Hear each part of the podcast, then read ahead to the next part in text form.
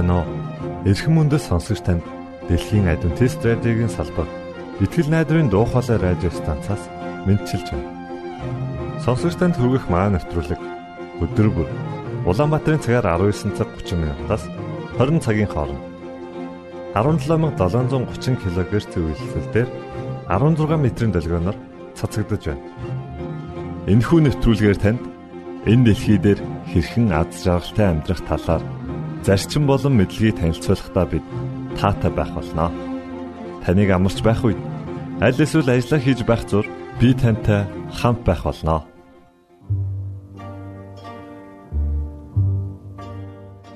Өнөөдрийн нэвтрүүлгээр танд итгээд даг хэмэх сайхан дуу хүргэж байна. Үүний дараа та өөрийгөө байлдан дагуулагч болгон хөгжүүлэх хэмэх цуврал нэвтрүүлгийг сонсох болно та бүхэн таалан сойрхноо.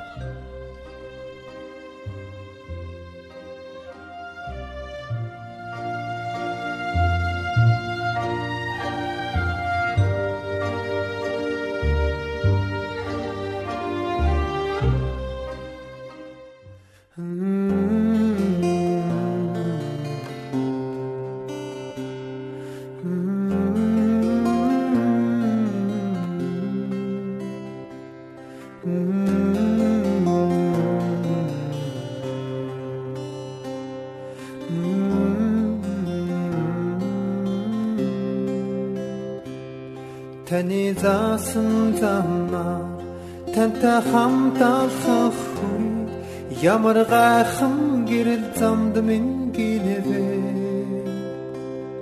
Таны хүслийг үйлдэж танд итгэж дагах үед бидний дэргэд хамт байсаар байдаа Есүстэй хаа баяр хориг мэдрээ Ор ямар зам энд байхгүй. Зөвхөн итгэж та. Гэхдээ тэглийн тэр зам сатотгор их байдаг. Халуун хайрыг тань яаж тэд мэдэх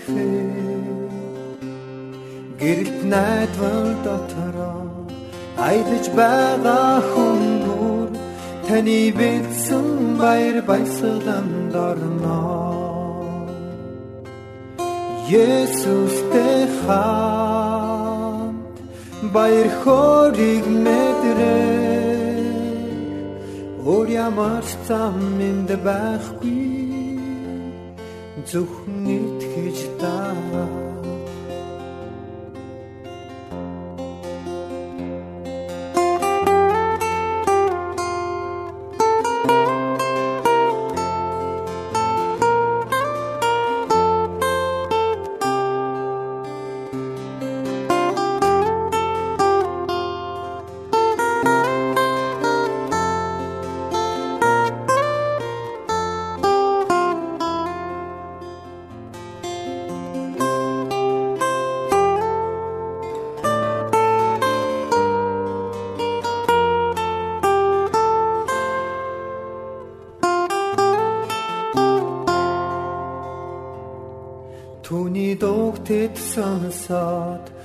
түүний хөл суух болно.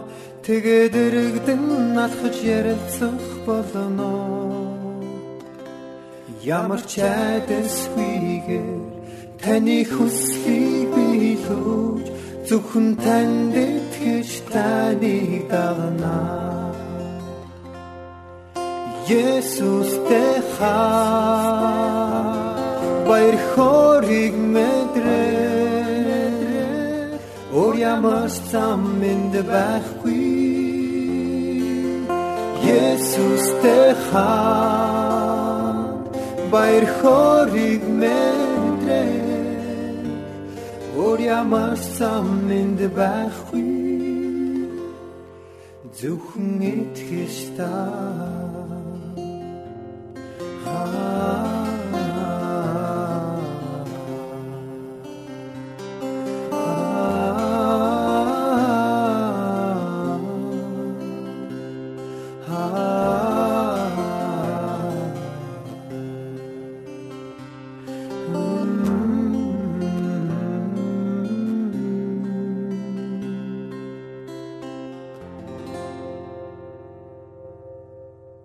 Сайн байцгаана уу сонсогчдоо.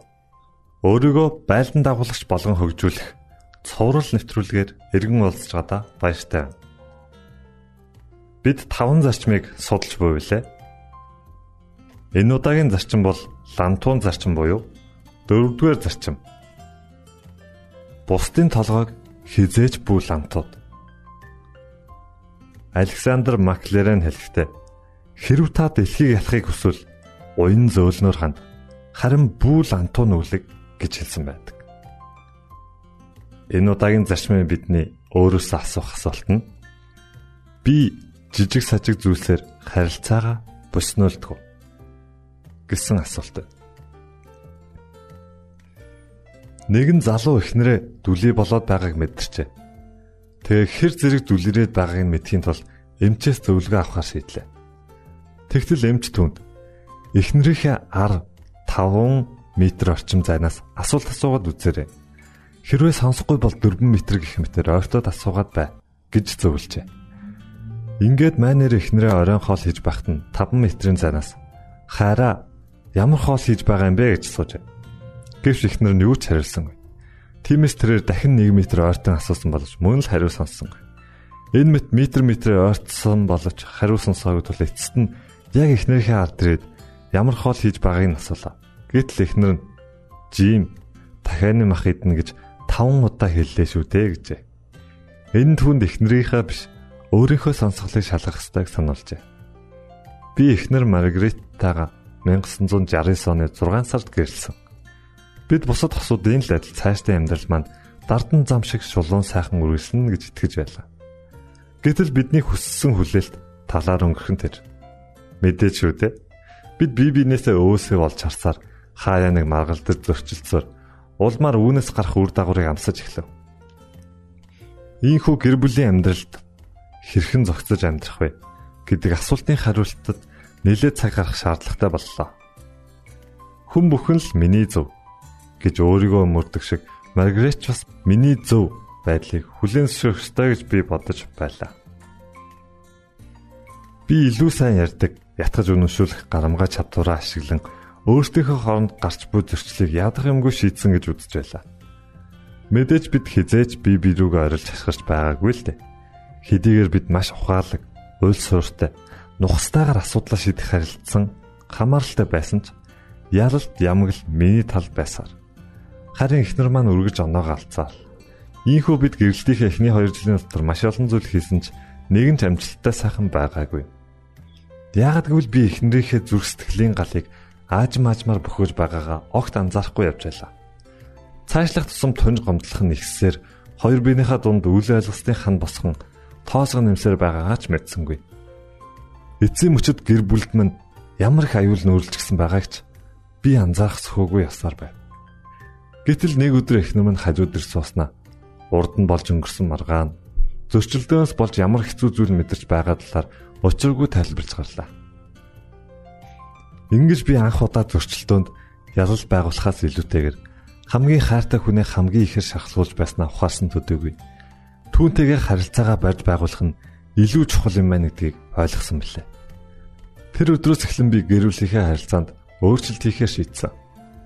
Зөв хандлагатай байна гэдэг нь зөв хариулт өгөхөөс илүү чухал гэдгийг ухаарсан минь намайг илүү уян хатан болгож өстой л долоо хэмжээс нэг огтлох гэдэг зарчимд сургасаар байлаа. Ингээ бидний хооронд үл ойлгослын хан нурж харин хайрын гүр баригдаж эхэлсэн юм. Тэр цагаас хойш би хэн нэгэнтэй зөрчилдөх зүйл гарвал эрүүл ухаанаар харж эвэйг хичээн зохицуулдаг болсон. Хэрвээ надад ланту байсан бол хүүхэд эцэг эхийнхээ үгэнд дуулуурыг хандаж залхууран хоригших үед алган боовны амт мэдрүүлснээр дуулууртай идэвхтэй болдог. Энэ хүүхэлдэйн киноны баатар Кельвинтэй адилхан юм. Кельвин залхуу дуулуургүй хүмүүсийг ураг шахиулахын тулд миний амбаартал тэдэнд хэрэгтэй. Тиймээс ийм бизнес хийж байна гэжээ. Үүнтэй адил тухайн хүний онцлог байдлаас шалтгаалж лантуудах хэрэгтэй ч уян зөөлөн хандах хэрэгтэй. Үнэнтэй нүүр тулахад хэцүү байвал дараах дөрвөн зөвлөгөө хэрэглэхэд илүүдэхгүй. Нэгдүгээрт төвчээртэй хандах. 40 иргэм насны нэгэн хүн зоогийн газар оронгота шуудхан л зөөгчдөр очиж танаа зогсуулга намдах ямар нэг юм байна уу гэж асуулаа. Зөөгч үгийн зөрүүгөө шууд л нойлтон алтчаар аван залуугийн нүрөө чулууд. Гэтэл өнөөх нь лантууд болсон юм шиг хөөе чи чинь яаж байна гэж гайхсан янзтай асуутал худалдагч инээснэ. За харда та зогсгоо болчихсон тийм үү? Гэтэл залуу би ийм арга байдаг гэдгийг мдээгүй юм байна. Эхнэрээсээ ч гэсэн асуусан боловч тэр машин дотор суугаад үлдсэн гэжээ. Тимээс хүмүүсийг асуултаа асууж дуусгаас өмнө лантуу мэт хариулт өгөхөөс хамгаалахын тулд өөрийгөө сурга. Хэн нэгэн өөрийг өөрийн санааг надтай хаваалцах үед би дараах зүйлийг баримталдаг. Сонсдог, асуулт асуудаг, бас дахин сонсдог. Дахин асуулт асууна. Бүр их сонсож тэгээд бас л асуудаг. Тэгээд хариулт өгдөг. Би хэдий ч нэ өөрийгөө нөгөө хүний оронд тавих тусам төдий ч нэ төвчээртэй илүү зөв зохистой болдог гэдгээ мэдсэн. Хоёрдугаар зөвлөгөө. Тохирсон хугацаа. Зохиолч Даан Заадрагийн бичсэн нэгэн тэмдэглэл. Чи хизээ хийх гэж байгаагаа биш, харин юу хийх гэж байгаагаа тооцоол гэсэн байна. Харин би үүнтэй санал нийлдэхгүй.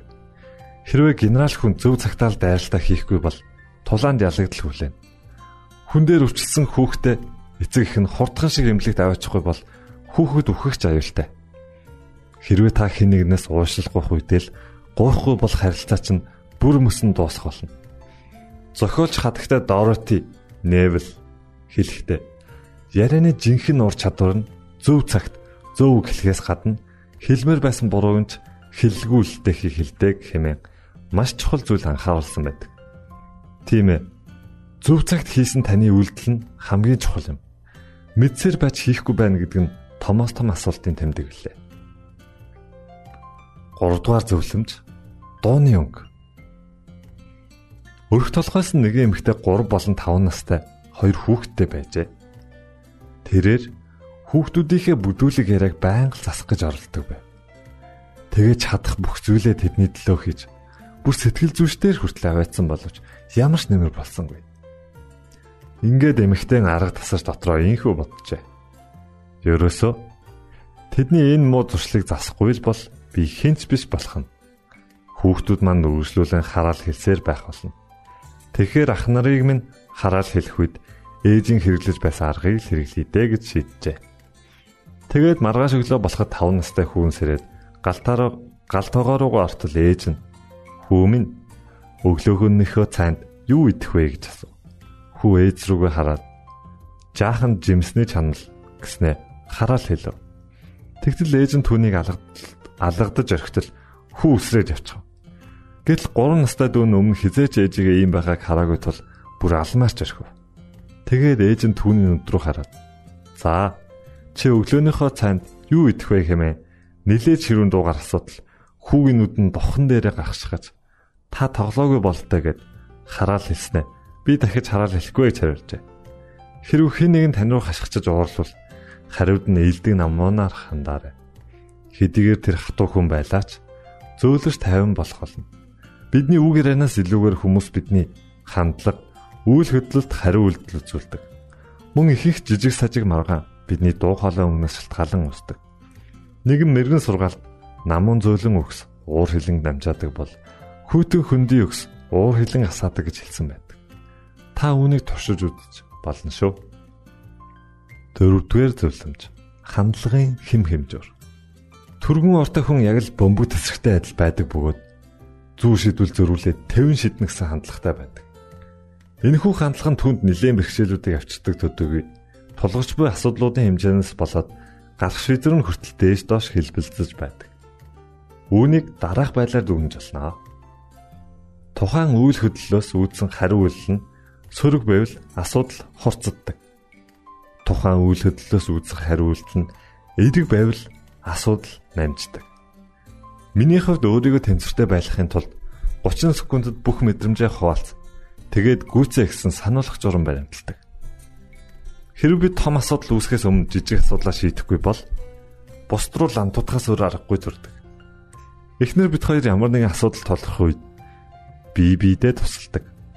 Хүүхдүүд маань жаахан байх үед би тэдэнтэй зөрчилдөх зүйл цөөнгүй л гардаг байлаа. Тэр үед бидний баримтлаг байсан журам бол бид хоёр гар гараасаа барилцаж зэрэгцэн суугаад хүүхдүүдтэйгээ харилцан ярилцдаг байв.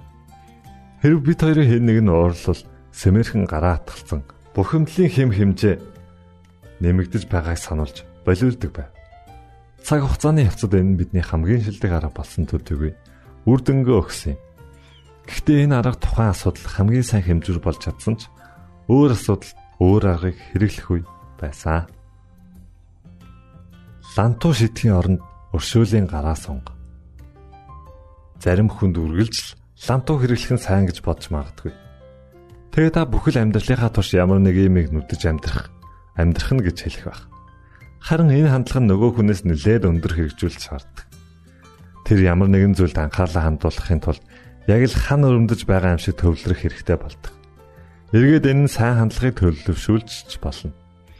Гэвч хүмүүсийг үргэлжл балбаж нүднэ гэдэг үнэхээр хэцүү бэрх арга юм. Сэтгэл зүйч Абрахам Маслов таны гарт зөвхөн лантуу байвал бүх асуудал хадаас шиг харагцаар байх болно гэжээ. Тиймээс бусдыг лантуудгаас илүү эрүүл харилцаа арга замыг олох хэрэгтэй. Хэрв та хүмүүсийн сэтгэл төрх хагаа хөгжүүлэхийг хүсвэл дараах зөвлөгөөг өөрийн зүрхэнд оруулаарай. Өнгөрсөн зүйлийг өнгөрсөнд нь үлдээж сурах. Хоёрээр эхнэрүүдийнхээ талаар нилээд гомдлжээ. Нэгдэх нь бид хоёр хэрэлдэхэд эхнэр маань улиг болсон түүх ярьдаг гэж л дээ. Гэтэл нөгөө найз нь үлгэр ярьдаг гэсэн үү гэж асуудал. Үгүй дээ бүр өөлөрч баларсан түүх гэж хэлээд тэр миний хийсэн буруу зүйлийг үргэлж надад сануулдаг гэж хариулж. Тиймээс асуудлыг тэр дорн шийдэн тухайн цаг үед нь үлдээ. Дахин дахин сөхөж өнгөрсөн цаг үеийн алдааг өнөөдөр сэргээх хэрэггүй.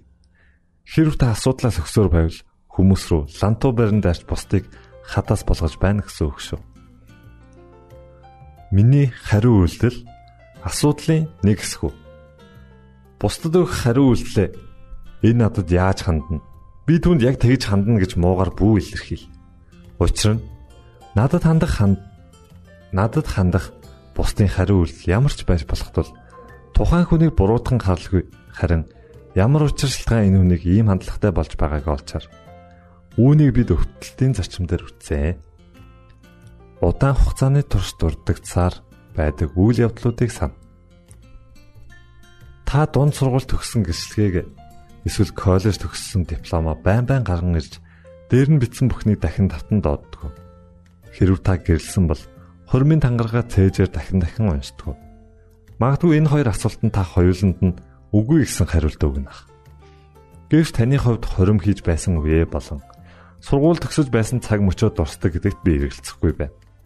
Тиймээс та бусдад хэлэх үгнээсээ илүүтэйгээр хүмүүстэй хамт байж удаан хугацааны туршиж санагцаар байх дурсамжийг үлдээ. Үүний тулд чин сэтгэлээсээ үйлдэж амьдр. Нөхцөл байдлыг харилцаанаас дээгүр хизээж бүүтэв. Өөрийнхөө нөхцөл байдлын алдаа дутагдлыг бусдад тохох гэсэн хүмүүсээр дүүрэн ертөнцид бид амьдарч байна. Хэрв би их нартайгаа харилцаагаа барьж байхулахаас уртад өөрийнхөө үзэл бодлыг илүү өндөр тавьсаар байсан бол түүнтэй хизээж гэрлэхгүй байсан гэдэгтээ огтхон ч марахгүй. Харилцаа гэдэг бол бүх зүйлийн суурь гэж би боддог. Тиймээс бусдад харилцах харилцаагаа чухалчлах тусам төдийжнээ олон гарц боломжууд үйл харгаа нээж өгдөг. Тиймээс нөхцөл байдлыг харахаас илүү харилцаагаа барьж байгуулах нь нэн чухал. Болзолгүй хайраар бусдыг хайрл. Нөхцөл болцолгүйгээр бусдыг хайрлах сайн загвар нь өнөөгийн доройтож буй нэгэнд уламж бүдгэрч хүмүүс өөр хоорондоо харилцан хамааралгүй болсоор байна.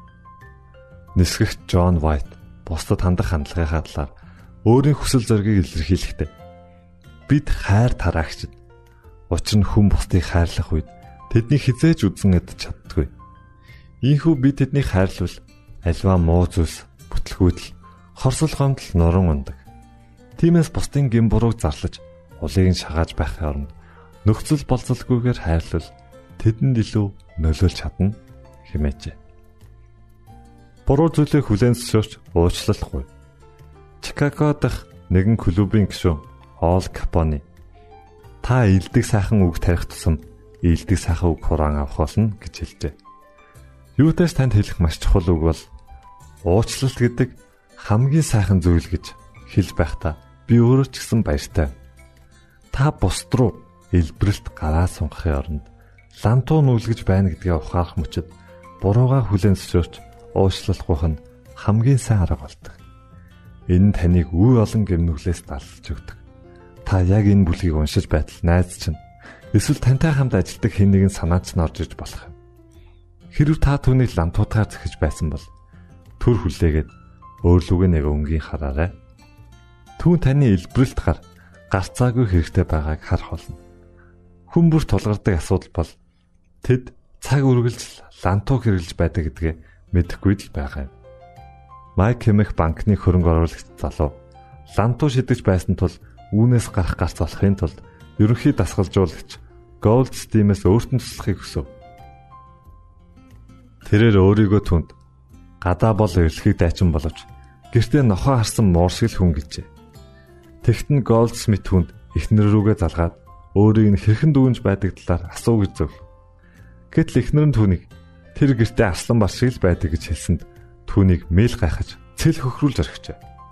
Хүүхдүүд нь ч хүртэл ээжийнхээ эснийг батлсан тул эцэст нь Майк өөрийнхөө үнэн байдлыг хүлээн зөвшөөрчээ. Ингээд Голдсмит хамаг байдаг хүмүүс чинь тойл барьсантай адил. Тэд танд харж байгаагаа л хэлэх болно. Та тэдэнд итгэхгүй байлаач үнэндээ танд хайртай учраас үннийг хэлдэг. Хэрв та үнийг үргэлжлүүлсээр байвал таны эргэн тойрны хүмүүс хадастай адил болох болно гэж зөвлөжээ.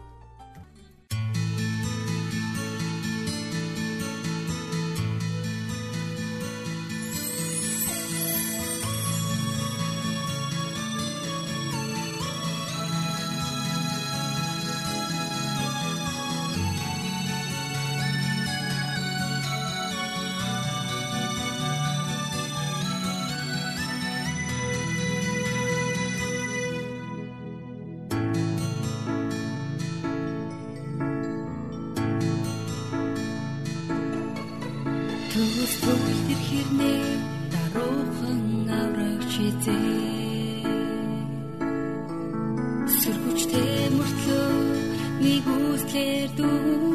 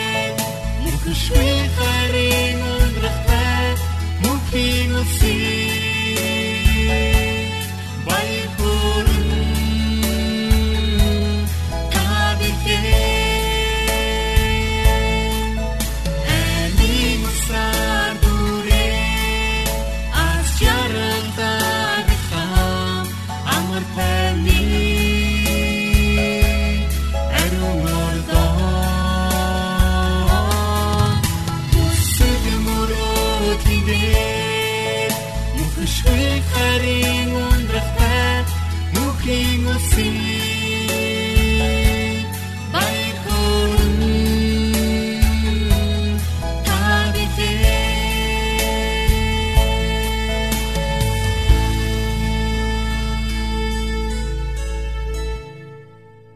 найдрын дуу хоолой радио станцаас бэлтгэн хөрөгдөг нэвтрүүлгээ танд хүргэлээ. Хэрв та энэ өдрийн нэвтрүүлгийг сонсож амжаагүй аль эсвэл дахин сонсохыг хүсвэл бидэнтэй дараах хаягаар холбогдорой. Facebook хаяг: Satiin усгээр Монгол заавад AWR Имейл хаяг: mongol@gmail.com Манай утасны дугаар 976 7018 24 9 Шуудангийн хаяг 16 Улаанбаатар 13 Монгол улс Биднийг сонгон цаг зав аваад зориулсан танд баярлалаа. Бурхан таныг ивээх батугай